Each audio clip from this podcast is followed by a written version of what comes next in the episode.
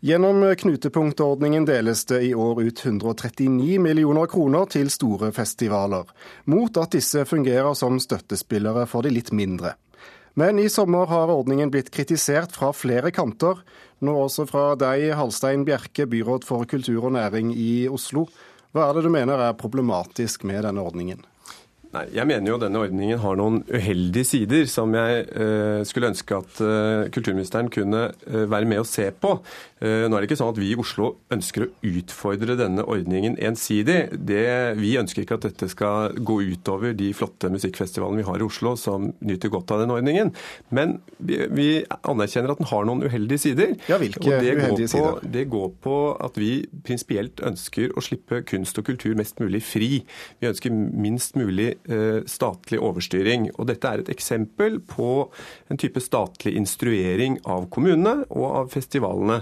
I tillegg til at det har noen uh, mulige sånn konkurransevridende effekter. Altså I Oslo har vi 15 festivaler, hvor tre er omfattet av denne ordningen og får statlig støtte og har fått et oppdrag.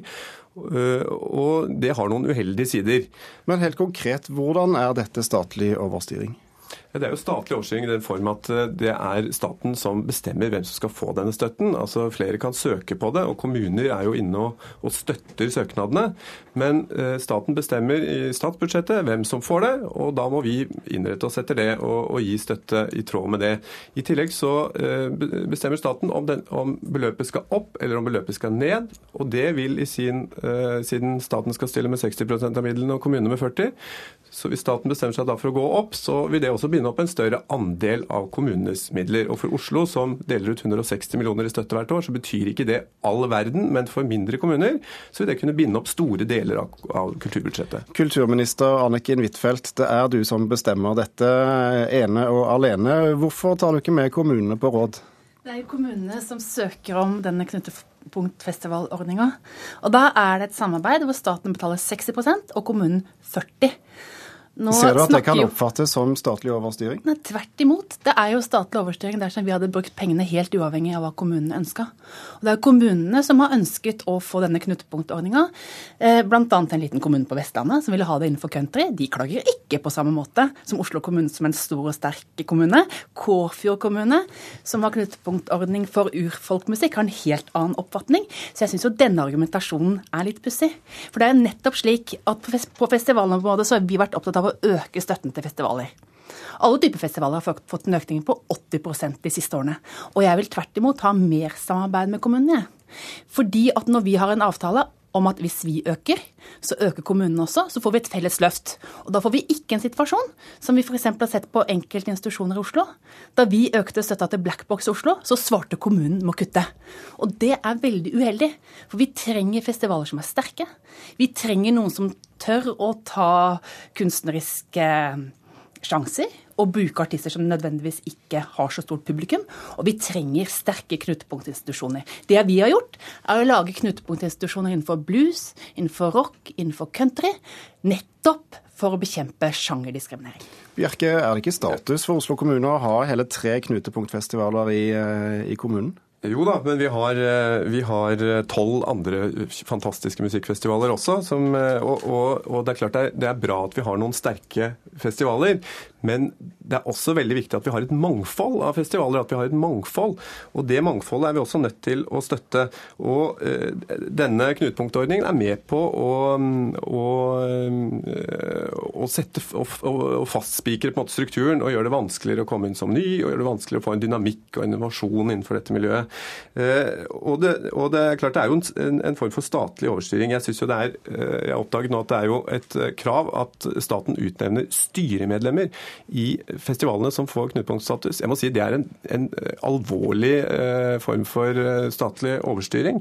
Eh, det skulle tatt seg ut om, om, Oslo kommune skulle krevd å ha hatt styremedlemmer i Kammermusikkfestivalen og i Øya og alle de andre musikkfestivalene, Norwegian Wood og de andre musikkfestivalene i Oslo. Jeg kan ikke skjønne hvorfor man har behov for en sånn form for inngripende utøvende styring. Mener, Men ville du blitt litt mer fornøyd med den ordningen hvis du fikk en styrerepresentant i f.eks. Øyafestivalen? Aldri i verden om vi skal ha styrerepresentant i Øyafestivalen. Jeg mener Øyafestivalen er i stand til å lage musikkfestivaler sin best selv. Og jeg har ikke noe tro på at man skal ha politisk oppnevne politisk mandat til, til å sitte og delta i styringen av musikkfestivaler. Musikkfestivaler lages best av musikkfestivaler. Ja, nå er det jo slik at fordi at Oslo kommune ikke ønska å ta styreansvar i Øyafestivalen, så ønsket de at staten skulle være med på å oppnevne dette. Og det ønsker de jo, nettopp fordi at de ønsker politiske beslutningstagere som tar ansvar. Du snakker om det motsatte ansvar. Jeg hadde møte med mange andre festivaler i sommer, og de sier det helt det stikk motsatte av den kritikken som du har av knutepunktinstitusjonene. For de vil tvert imot ha flere slike avtaler, de mellom kommunen og staten. Oslo Jazzfestival, som åpner i dag, gir oss tvert imot signalet la oss få forpliktende avtaler mellom kommunen og staten, sånn at vi løfter sammen. Og Det er den motsatte som du nå sitter her og påstår. Du kaller det frihet. Du kaller det at jeg skal liksom gripe inn og bestemme hvem som skal være på scenen, hvilket er selvfølgelig bare tøys. Men det jeg ønsker, er at når staten nå har bidratt med et kulturløft som har ført til økte kulturbudsjetter på 80% de siste årene, så må kommunene være med. Vi må satse sammen. Kulturløftet må ikke bli en unnskyldning for at Oslo kommune kutter sin støtte. Men Hvitfeldt, vi, kutter, vi kutter ikke vår støtte. Vi, vi, satser på festivaler, vi satser på musikkliv i Oslo. Eh, I andel av totalbudsjettene bruker vi mer enn det staten bruker på kultur. Men hva, Bjerke, vil du bruke friheten til hvis disse midlene hadde blitt eh, frigitt fra knutepunktordningen? Nei, frihet er, det, er et, det er, et, viktig prinsipp i seg selv at du skal ha frihet. Det betyr friheten til å kunne kutte. Det betyr også friheten til å kunne øke. Det, er friheten til å kunne uh, ta ned ett år og opp et annet år, litt avhengig av uh, situasjonen. Uh, det å drive festival er litt lotto, det også. Får du dårlig vær, så får du store problemer. Har du solskinn, så får du veldig gode inntekter.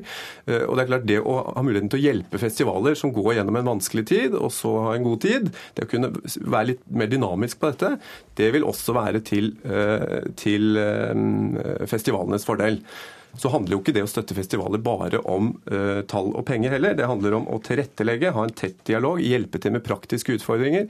Det har vi en tett dialog med festivalene våre i Oslo, bl.a. nå for å skaffe nye, uh, et nytt sted å være for øya, som må flytte på seg noen år. Og Den type tett dialog er det også viktig å kunne ha uavhengig av F.eks. Øyafestivalen Anniken Huitfeldt er forholdsvis god butikk. Hvorfor skal ikke da Bjerke få lov å kutte litt i støtten når de får inn så mye penger fra billettsalg og private aktører? Fordi vi trenger enkelte spydspisser, og det er Øyafestivalen absolutt. Og de har folk fra andre festivaler rundt omkring i Norge som er på Øyafestivalen og lærer. Og jeg syns jo Bjerke nå eh, med klartekst sier hva dette handler om. Det handler om byrådets frihet til å kutte. Jeg er opptatt av det motsatte. Og det er at festivalene skal ha forutsigbarhet. Det å drive festival, sier Bjerke, er å drive lotto. Men da må i hvert fall politiske aktører være forutsigbare. Både ha mer avtaler mellom stat og kommune, slik at vi løfter sammen, og ikke minst ha flerårig avtale om støtte, slik at de kan eh, planlegge for lengre tid i forveien. Vi skal i hvert fall ikke være det lille lotto-usikkerheten Politikerne skal stille opp med forutsigbarhet. Bjerke? Ja, Vi skal stille opp med forutsigbarhet, men vi må også kunne være dynamiske. Og vi må også kunne uh, ta, ta, et ekstra løft når det er tøffe tider. Kanskje ta et mindre løft når det er gode tider, for å sørge for at uh, mangfoldet innenfor Festival-Oslo for vår del kan bestå. Huitfeldt, nå er det ikke kun uh, kulturbyråden i Oslo som har kritisert ordningen i løpet av sommeren. Ser du i det hele tatt noe forbedringspotensial med knutepunktordningen? Ja, Absolutt, men de går i motsatt retning av det Bjerke her framhever.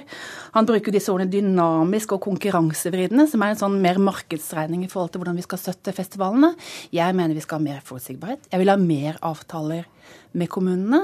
Og så mener jeg at en del festivaler nå kan gjøre et større arbeid i forhold til å støtte de nye festivalene som kommer. Men det er det motsatte signalet av hva som er Høyre og Venstres kulturpolitikk kulturminister Anniken Huitfeldt og Halstein Bjerke, kulturbyråd eh, i Oslo. Takk for at dere kom til Kulturnytt.